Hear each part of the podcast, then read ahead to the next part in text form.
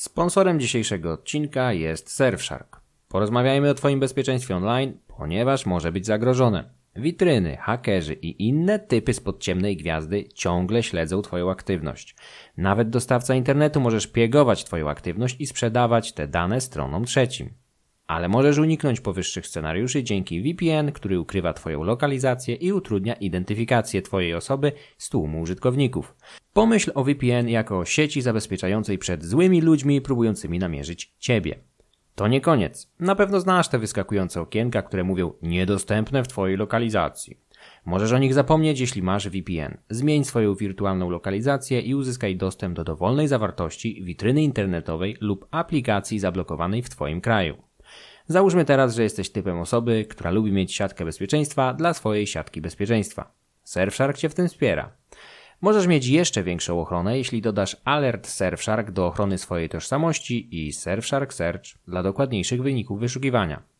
Nie zwlekając, wypróbuj Surfshark bez ryzyka z 30-dniową gwarancją zwrotu pieniędzy. Aktywuj Surfshark VPN na surfshark.deals łamane na demony.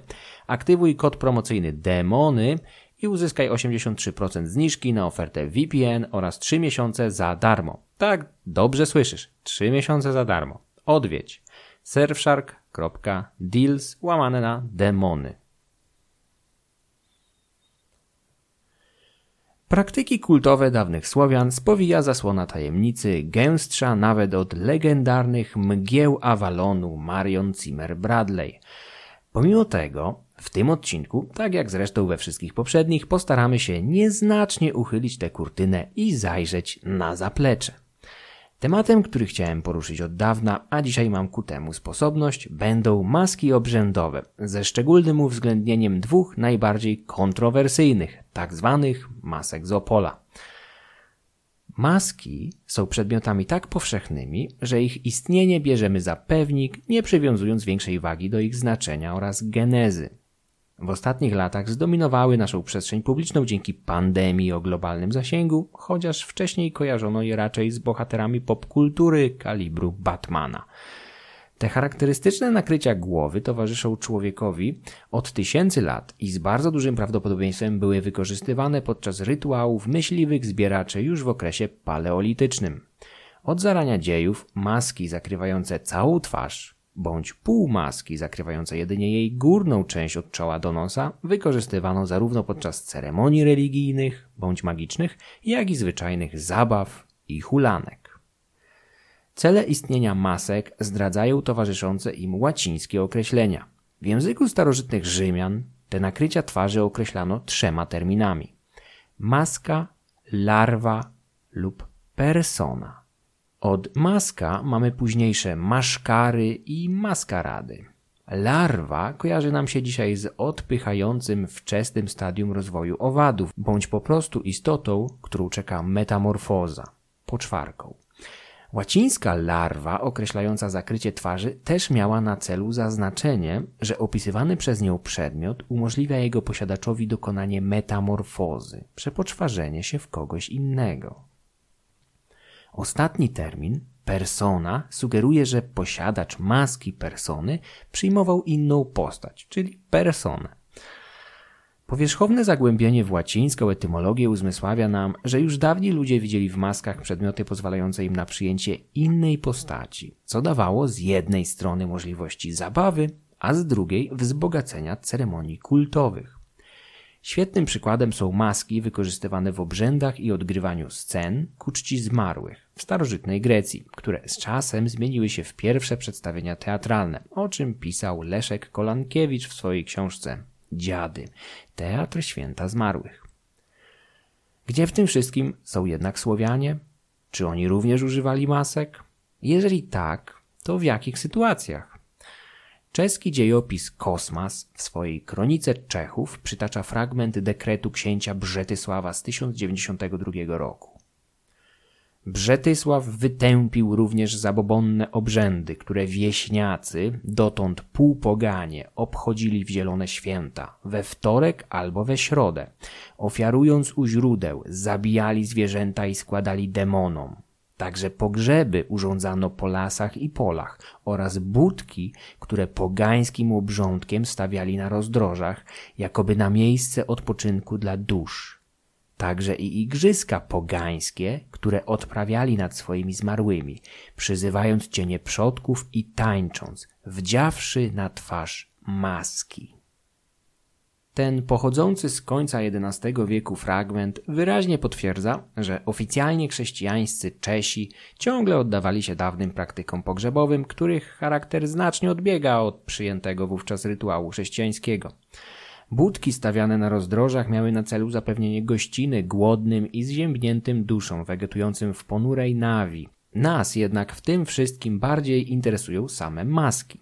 Być może uczestnicy korowodu zakładali je, aby dokonać metamorfozy na czas obrzędu pogrzebowego i przyjąć tożsamość innych istot. Możliwym wytłumaczeniem jest również chęć ukrycia tożsamości przed duchem zmarłego. W odcinku o podróży Ahmada ibn Fadlana do Rusi na kanale Mroczne Wieki szczegółowo opowiadałem o pogrzebie wodza Rusów, podczas którego jeden z krewnych zmarłego zbliżał się do stosu pogrzebowego z żagwią, nagi i odwrócony do niego plecami, tak aby duch Denata nie mógł rozpoznać twarzy ofiarnika. Nie spotykamy się w tamtym opisie z żadnymi maskami, ale w korowodach pogrzebowych opisywanych przez Kosmasa z pewnością nie zakładano ich przypadkowo. Być może chciano zachować anonimowość przed duchami zmarłych. Fragment dekretu Brzetysława jest najwcześniejszą zachowaną tego typu relacją o maskach ze słowiańszczyzny. Kolejne pochodzą z późnego średniowiecza. W licznych kazaniach oraz listach kościelnych hierarchów często powtarza się krytyka pogańskich masek, które były tak popularne, że zakładano je nawet podczas chrześcijańskich obrzędów. Uciekali się do tego niejednokrotnie sami duchowni. Papież Innocenty III, człowiek zasiadający na stolcu biskupa Rzymu w czasach największej świetności papiestwa, gromił w swoim dekrecie ze stycznia 1207 roku zakładanie czegoś, co nazywał z łaciny monstris larvarum, maskami duchów, potworów lub maszkar.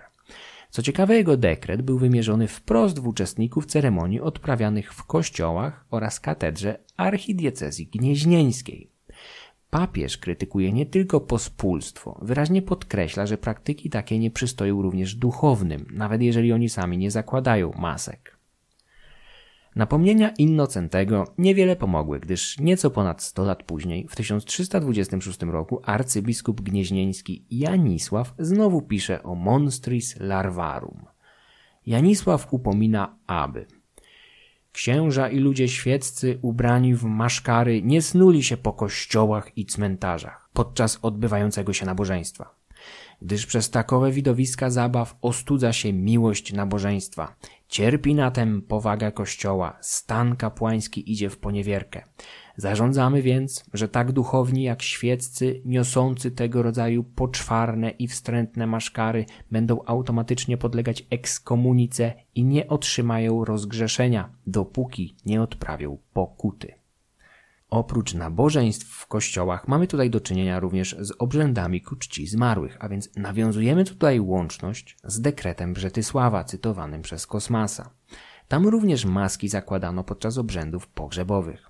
Dla hierarchów kościelnych maski wywodzące się z obcej im tradycji były po prostu przedstawieniami duchów nieczystych, ale dla lokalnej ludności mogły to być podobizny ich zmarłych. Nie jesteśmy w stanie stwierdzić tego z całą pewnością. Zwyczaj przebierania się w maszkary przetrwał na Słowiańszczyźnie, ale z czasem udało się go wyrugować z kościołów i cmentarzy. Przetrwał jednak gdzie indziej. Pogańskie przebieranki zachowały się w zwyczaju nocnego kolędowania i chodzenia z turoniem w zapusty.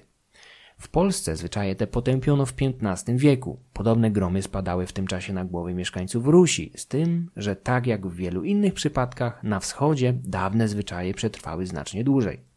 W 1636 roku w Nowogrodzie powstała relacja o pogańskim charakterze schadzek organizowanych w okolicy Bożego Narodzenia i Nowego Roku. Od Bożego Narodzenia aż do Trzech Króli urządzają po domach zabawy i schodzą się na te niecne zajęcia mężczyźni i kobiety. Robią złyka konie i tury, stroją się w płótno i jedwabne chustki, Koniowi wieszają na szyi dzwonki, a twarze swoje zasłaniają włochatymi i zwierzęcymi maskami. wdziewają stosowny strój i z tyłu przywiązują ogony, jak widome diabły i pokazują wstydliwe członki, mówiąc różne diabelstwa wstrętnym głosem. W dzień w niebo wstąpienia upijają się, tańczą, grają na trąbach, chodząc w maskach. To już tyle tekstów źródłowych. A co o zwyczaju noszenia masek wśród Słowian mówi nam archeologia? Na tym polu możemy się pochwalić przede wszystkim kilkunastoma maskami z Nowogrodu, pochodzącymi z okresu od XII do XIV wieku. Wszystkie te maski i półmaski, niektóre zakrywają jedynie górną część twarzy, wykonane są ze skóry bądź skory brzozowej. Dzięki temu są lekkie, elastyczne i łatwo je dopasować do twarzy. Maski często malowano i zdobiono dodatkowymi elementami, najczęściej włosiem imitującym brodę, wąsy czy czuprynę. Niejednokrotnie robiono otwory nie tylko na oczy, ale również na nos i usta. Maski z Nowogrodu noszono na twarzach. Na większości z nich zachowały się otwory po rzemieniach pozwalających założyć je na głowę. Archeolog Kamil Kajkowski podaje w swoim artykule, że długość pełnych masek nie przekracza 25 cm, zaś szerokość mieści się w przedziale 20-24 cm. Były więc rozmiarami dopasowane do ludzkiej twarzy. Wszystkie bez wyjątku znajdowano w przypadkowych miejscach, co sugeruje, że gubiono je lub porzucano po zabawie bądź uroczystości, w jakiej wzięły udział.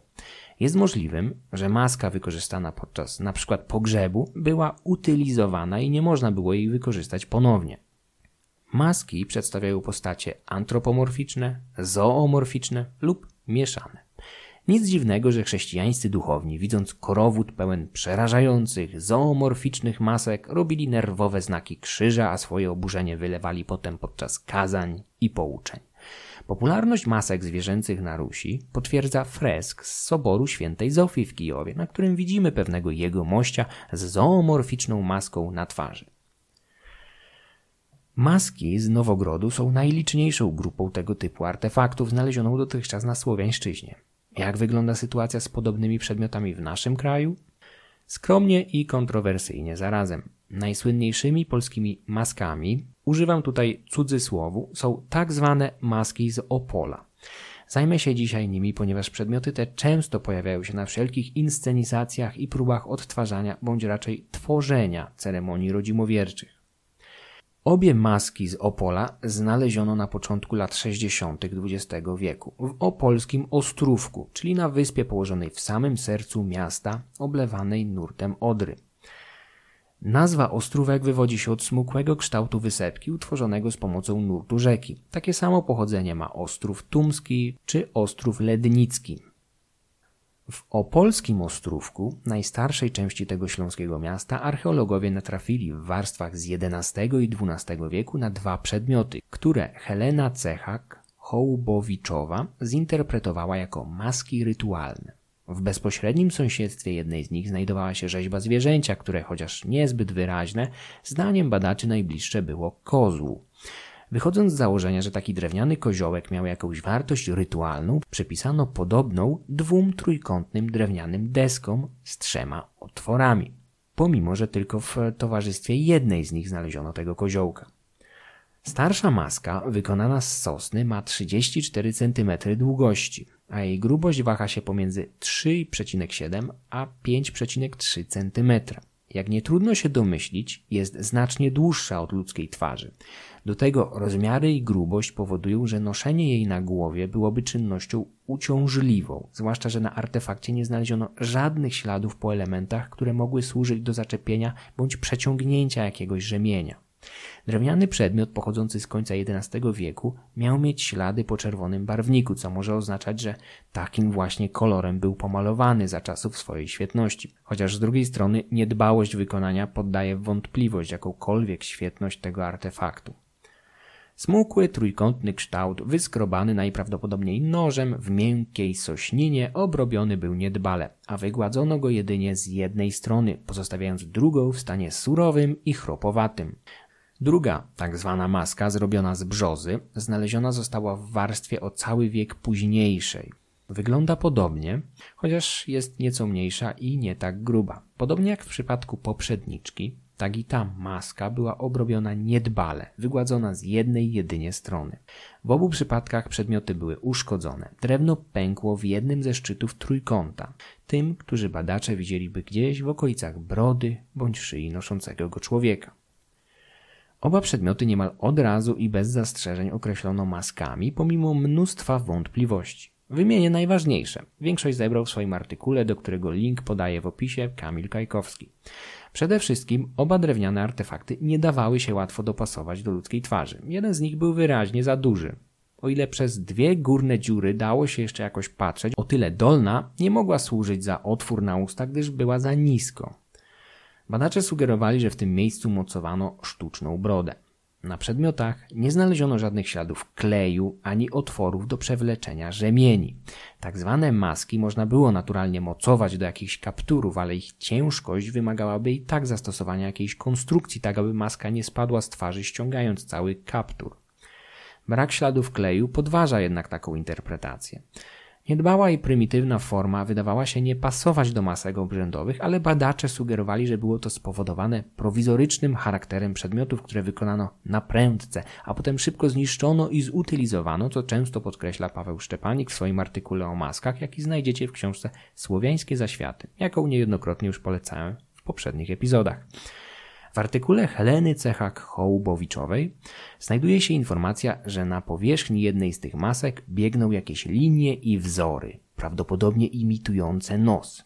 Ale nowsza analiza potwierdziła, że to, co dawniej uważano za ryte ręką człowieka wzory, w rzeczywistości jest jedynie chodnikami korników żerujących w drewnie. Nowsze analizy dodatkowo wykazały, że przedmioty wykonano z suchego, martwego od kilku miesięcy drewna, co z kolei czyni mało prawdopodobnym ich przeznaczenie do rytuałów związanych z kultami płodności czy urodzaju, jak pierwotnie sugerowano, gdyż w takich obrzędach bardziej adekwatne byłyby przedmioty pozyskane z żyjących drzew.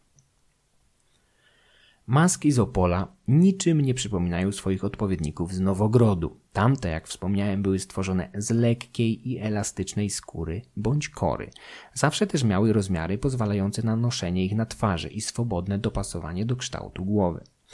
Przedmioty znalezione na ostrówku były ciężkie i sztywne. W niczym nie przypominają trójwymiarowej maski z fresku w kijowskim soborze – nie mówiąc o pozostałych średniowiecznych przedstawieniach masek z innych aniżeli słowiańszczyzna części kontynentu. W przytoczonych wcześniej opisach korowodów pełnych zamaskowanych uczestników wyraźnie wskazywano, że ludzie ci tańczyli, skakali, bawili się. Po zrekonstruowaniu kontrowersyjnych masek z Opola okazało się, że tańce, hulanki i swawole z 34-centymetrową deską na twarzy z dwoma niewielkimi otworami na oczy nie wydają się szczególnie prawdopodobne.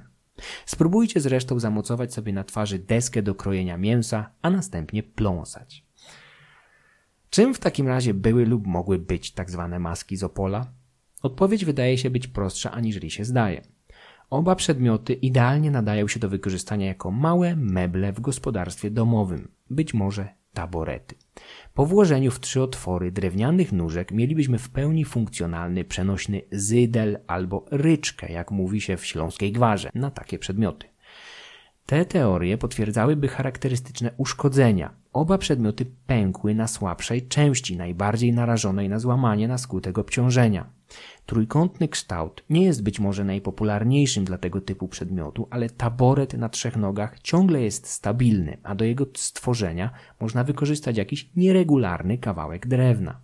W ten sposób właśnie wyobrażam sobie genezę tych tajemniczych przedmiotów. Jakiś mieszkaniec średniowiecznego ostrówka, dysponując nieforemnym, trójkątnym kawałkiem sośniny, wykorzystał je do końca. Może zrobił z niego taboret? A może nawet siedzisko dla bujanego konika. W porządku, może bujany konik w XI-wiecznej chacie to lekka przesada. Po wykonaniu niewielkiego taboretu używano go do czasu, aż wreszcie pękł w miejscu najbardziej do tego narażonym. Może używało go jakieś dziecko i po paru latach faktycznie podrosło na tyle, że zniszczyło swój taborecik. Niepotrzebny mebel wyrzucono na śmietnik, gdzie pomiędzy wiórami i odpadami po setkach lat odnaleźli go archeolodzy. Sto lat później inny mieszkaniec Ostrówka wykonał podobny przedmiot, tym razem nieco mniejszy i z brzozy. Jego losy były identyczne, a swój żywot skończył na śmietniku. Znalazłem co prawda interpretację, jakoby trójkątny kształt przedmiotu miał powiązania z nacechowaną silnym symbolizmem magiczną cyfrą 3, skąd można już przejść do Boga trzygłowa zajmującego się rzekomo światem chtonicznym, a stąd oczywiście możemy twierdzić, że dzierżąc którąkolwiek tak zwaną maskę z Opola mamy w rękach święty artefakt Pana zaświatów. Możemy iść w tym kierunku i mnożyć popisy erudycji, ale prywatnie sądzę, że tak zwane maski z Opola są dowodem na zaradność lokalnej ludności, która nawet z tak beznadziejnie nieprzydatnego kawałka sosny czy brzozy potrafiła zmajstrować coś praktycznego, na czym można było usiąść. Zawsze sądzę, że jeżeli mamy w rękach jakiś archaiczny przedmiot o nieznanej genezie i kilka potencjalnych wytłumaczeń dla jego przeznaczenia, powinniśmy wybierać to najprawdopodobniejsze. Drewniane przedmioty z Opola naturalnie mogą być jakimiś maskami, ale jest tyle argumentów przeczących takiemu ich przeznaczeniu, że taka interpretacja jest mało prawdopodobna. Gdyby były to jakieś symboliczne maski stojące pod ścianą, a nie noszone na twarzy, to może jeszcze dałoby się to jakoś zrozumieć. A co jeżeli spojrzymy na nie jako na zwyczajne taborety? Argumentów za jest całkiem sporo, argumentów przeciw nie widzę. Historia tzw. Tak masek z Opola nie jest jedynym tego typu przykładem potencjalnej nadinterpretacji. W 1985 roku na Ostrowie Tumskim we Wrocławiu w średniowiecznej jamie pomiędzy wszelkimi elementami kości, skóry, drewna czy odpadów botanicznych odkryto dwa drewniane fragmenty, które również nasunęły problem w interpretacji. Pierwotnie uznano je za fragmenty drewnianych masek, chociaż dzisiaj w przypadku jednego z nich widzi się raczej pękniętą drewnianą łopatę. Ubogość znalezisk archeologicznych, jakie można powiązać z religią dawnych Słowian, wydaje się niejednokrotnie popychać badaczy w kierunku interpretacji nieco na wyrost.